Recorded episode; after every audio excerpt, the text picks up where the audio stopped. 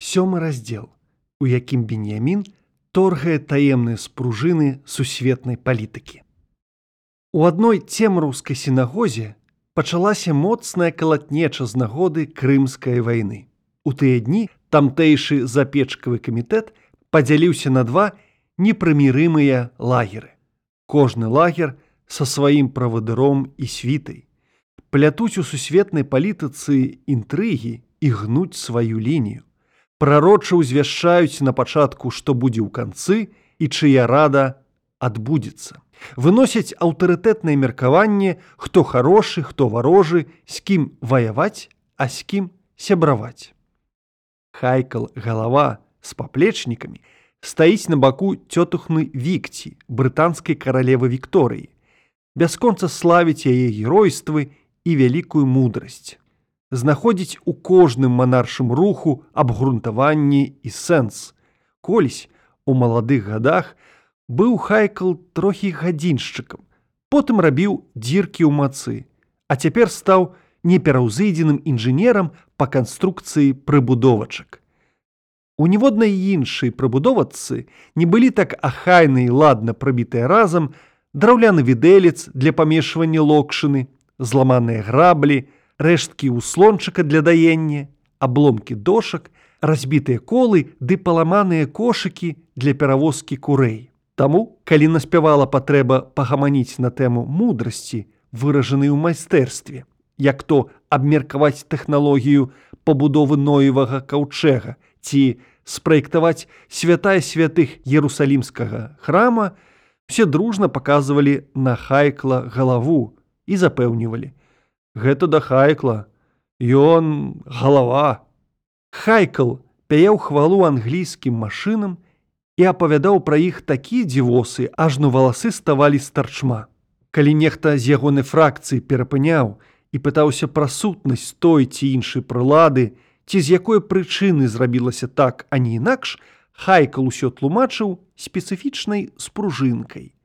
Пры гэтым кроіў такую міну, нібыта ён ашчаслівіў суразмоўца і адплюшчыў вочы на схаваныя таямніцы жыцця. Урэшце з пружынкай Хайкл стаў тлумачыць любыя машыны і механізмы, прынцып гадзінніка і тэлеграфа, музычнай шкатулкі увогуле усіх вынаходстваў цывілізацыі. Іцык дабрак, не прыняўшы тлумачэнняў пра таемныя спружыны, здзекліва цадзіў. Хутка хайкал абвесціць, маўляў, праскі голем ды іншыя пякельныя выпаўзні таксама са спружынкамі. Тьху марная марнасць і нейкая абы што. Паколькі хайка галава быў зацётухну вікцю то айзек дабрак яму на злосць выступіў за матухну русю. І ўжо рассыпаўся пра яе бязмежныя цноты ды бараніў яе апетыты. Кожны ў моц сваіх сілаў намагаўся перацягнуць рэшту фракцый да свайго лагера І калі хайкал галава амаль залагодзіў саюз са шмулам баксёрам, аматарам дядзюхны пашы, а таксама прысябрыў брыла француза, вялікага прыхільніка Наполеона III, то іцык у адплату прыцягнуў да сябе тэуе мока, адданага хаўрусніка бацюхны кайзера. Жудасныя чуткі віруюць, фракцыі бушуюць. Еўропа ходзіць ходырам, і лямант такі вялікі ажно скаланаюцца сцены сінагогі. Вось у часы гэтай палітычнай буры і прыбылі туды нашы вандроўнікі ды атабарыліся ў сінагозе. Сэндр адразу прыпаў усім да душы, лагодны і сардэчны да людзей, ніколі ні на чым не настойваў, не гнуў на свой капыл. У палітычных пытаннях з усімі пагаджаўся. Хоча, мае, мне што шкада, Пра яго зрабілі выснову. Гэта шчырая душа, памяркоўны наш суродзіч. Без усякіх выбракаў і хітрыкаў, да няма ўпартасці ў ім ніякае.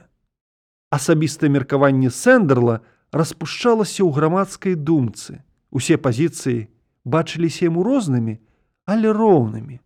У процівагу Сэндерлу Беньямін вылучаў некаторых палітыкаў і жыва цікавіўся іх меркаваннем шмул баксёр падаўся яму лепшым за астатніх.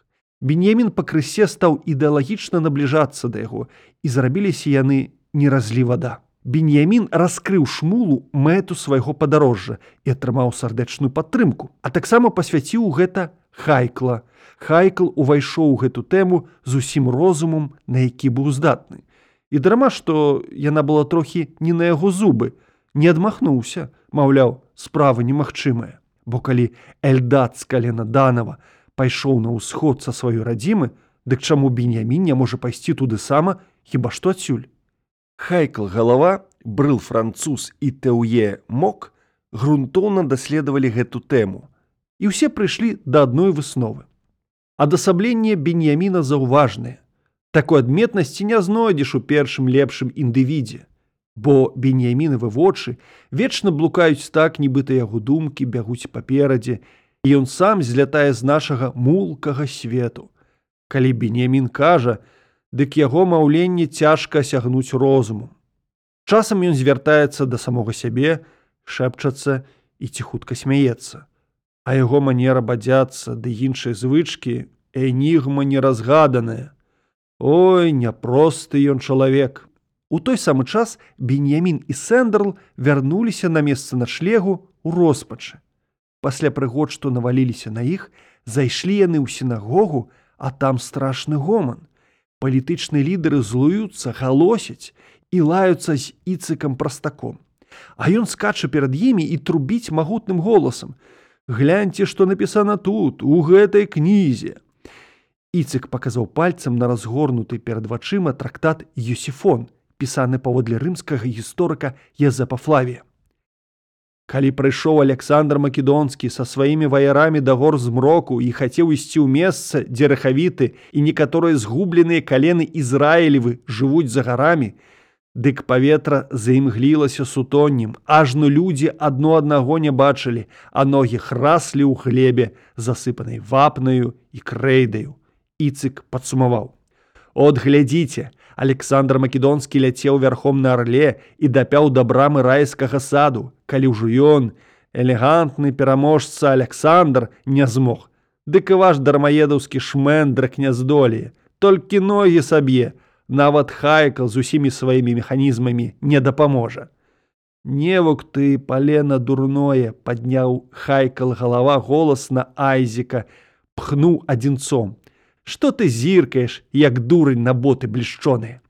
Прачытай да канца і ўбачыў птахаў вялікіх і твары іх чалавечы, да размаўлялі яны і сказалі яму птахі на грэцкай мове, ажно працяла таго дрготка, Александрус, ты ідыёт самы сапраўдны, Нельга табе на святую выспу тыцкаць сваіх ног, бо ходзяць па ёй выключна праведнікі, а абрагамавы нашчадкі ахвяры Богу складаюць. Цяпер ты разумееш абэлтух, з якой прычыны Александр не трапіў туды.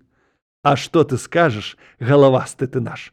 Калі праўду гаворыць, што 10 згубленых кален і ізраільцы тварам чырвоныя, сыны Майсеевы атабарыліся недзе ля каралеўства прысвітара Яна. І вось пойдзе твой цуд чалавек пры ўсёй да яго павазе і стане шукаць каралеўства прысвітара Яна і вядома знойдзе. Калі знойдзе, калі прарок Ілля з'есць сваю порцыю смажанага левіятана, інакш кажучы, ніколі. Вярзеш іцку абы што марную марнасць. Чакай, пачакай мой ты чалавеча разумца вялікі, а самбацьён ёсць та ёсць, Што будзеш рабіць, калі ён сапраўды выявіцца наравістай рэчкай, якая шпурляе каменне. Дапусцім, даў бенемін рады перабавіцца праз горы змроку і нават вызначыў знаходжанне каралеўства прысвітара Яна, але на перашкодзіў яго сам бацьён. Стой пастой, цэлы метр каменнага струменя. Нават кроку ступіць нельга. І не дапаможа яму твая бабка вікце, нават калі яна на блінец распляскаецца ды ўжыве ўсе механізмы на свеце. А вось ты кудой, прыцэл на нашу вікцю. Ну праўда, нашто табе іцку вырушыць каралеўскі гонар. Абурыўся на яго брыл француз з дакорам. Спадарства, мы размаўляем пра беньяміна. Дык вылеце сваю ятру на яго, бо прашу, пра палітыку не трэба. Ну, вы ж самі ўсё разумееце. Спадарства, беньяміна нашто зневажаць. Адгукнуўся Тэўе мок. Мне падаецца, беньямін ідзе слушнай дарогай, і яго здзяйсненні могуць вызваліць наш народ. Мок, мок, чалавеча, трубным голасам засоб айзек, гайдаючы галавой. Дзіўлюся я з цябе моканчык, як тебе лёгка спакусіць абяцанкамі цацанкамі. Што табе той нюмка і што вы ў ім знайшлі? Што вы ў ім знайшлі? кпліва паўтарыў шмул баксёр. Ці не з глузду ты сёння злузнуўся, што не бачыш па твары, які гэта выбітны чалавек. І пакуль старшыні фракцыі сварыліся, у сінагогу зайшоў сам бенемін. Адна са шок палае, жоўтыя песягі па твары на манер літары ша. Айзек пайшоў да бенеміна, абгледзеў адным позіркам ад макаўкі да пят. Плюнуў у твар, амаль пацэліў і моўчкі сышоў раззлаваны. З гэтай хвіліны абгаворвалі ўжо бенеміна ад рана да рана. Праз кароткі час стаў ён той гарачай тэмай у свеце палітыкі. Але потым адбыліся пертурбацыі ў палітычных лагерах. Шмул баксёр і брыл француз далучыліся да хайкла і сталі адным саюзам. Цётух на вікце пасылае ў акіян тысячу вялізных караблёў, дядзюхна Ізмаіл фарсіруе пруд. Наполеон III шпурляе бомбы на Севастополь. Тэўе акапаўся і трымае абарону. Праводзіць шматвектарную палітыку, круціцца як флюгер, сядае на шпагат і, здаецца, сам не ведае, у які бок хіліцца. Іцык дабрак застаўся адзін, і ніхто яму не падставіў пляча. З гэтай прычыны і нянавісць да беньяміна памацнела. Спеліць ён варожыя намеры, лае беньяміна без упынку, труціць жыццё. Бог мне сведка, я палітыкай не цікаўлюся, прызнаецца беньямін у адным месцы сваёй кнігі. Па-першае, які ў ёй сэнс, па-другое, навошта нашаму чалавеку палітыка, Што ён выгадуе? Будзе так ці будзе інакш, якая нам розніца? А мой сэндерл таксама не залазіў у гэтыя тэмы, барані Божа. І вось, нягледзячы на ўвесь наш нейтралітэт, наляцеў на мяне раззлаваны іцык, душыць мяне ўдзень уначы. Шапляе мне на спіну пер'е і лахманы, каб я стаў пасмешышчам, шпурляе ў грудзі брудныя анучы. Хавае чобаты, каб я не мог знайсці. Калі я сплю казыча пяткі, або кідае падпалены кнот, А я ўсхопліваюся нажаханы і спалоханы, выбухаю кашлем і б'юся галавой аб сценку. Ну хіба я вінаваты ў тым, што высокія бакі паціснулі руки і заключылі патройны саюз. Трое супраць яго аднаго. Пра незалежныя каралеўствы. Легенда пра каралеўства прасвітра Яна нарадзілася ў раннім сярэднявеччы падчас панавання ў Еўропе транскантынентальнай імперыі ісламскага халіфату. Вобраз прасвітра Яна выражаў спадзевы паняволеных хрысціян, маўляў, недзе далёка-далёка на ўсходзе ёсць магутны хрысціянскі манарх-патрыярх, які са свайго боку паспяхова змагаецца з ісламскай навалай. Яўрэі ў часы ўціскаў выгадавалі падобныя паданні пра 10 згубленых кален Ізраілю і вольных яўрэйскіх цароў, якія недзе там, далёка-далёка на ўсходзе ці захадзе, вядуць незалежна кашэрны лайфстайл, чакаючы ў абдымкі рэшту суродзічаў. Тут яшчэ раз падкрэсліваецца абазнанасць местачковых яўрэяў, якія знаёмыя таксама з хрысціянскімі крыніцамі. Пра містычнай показкі яўрэяў Беларусі чытаць яшчэ Мойшы кульбак, Месія з роду Эфраіма, у перакладзе з ідышу Сергея Шупы.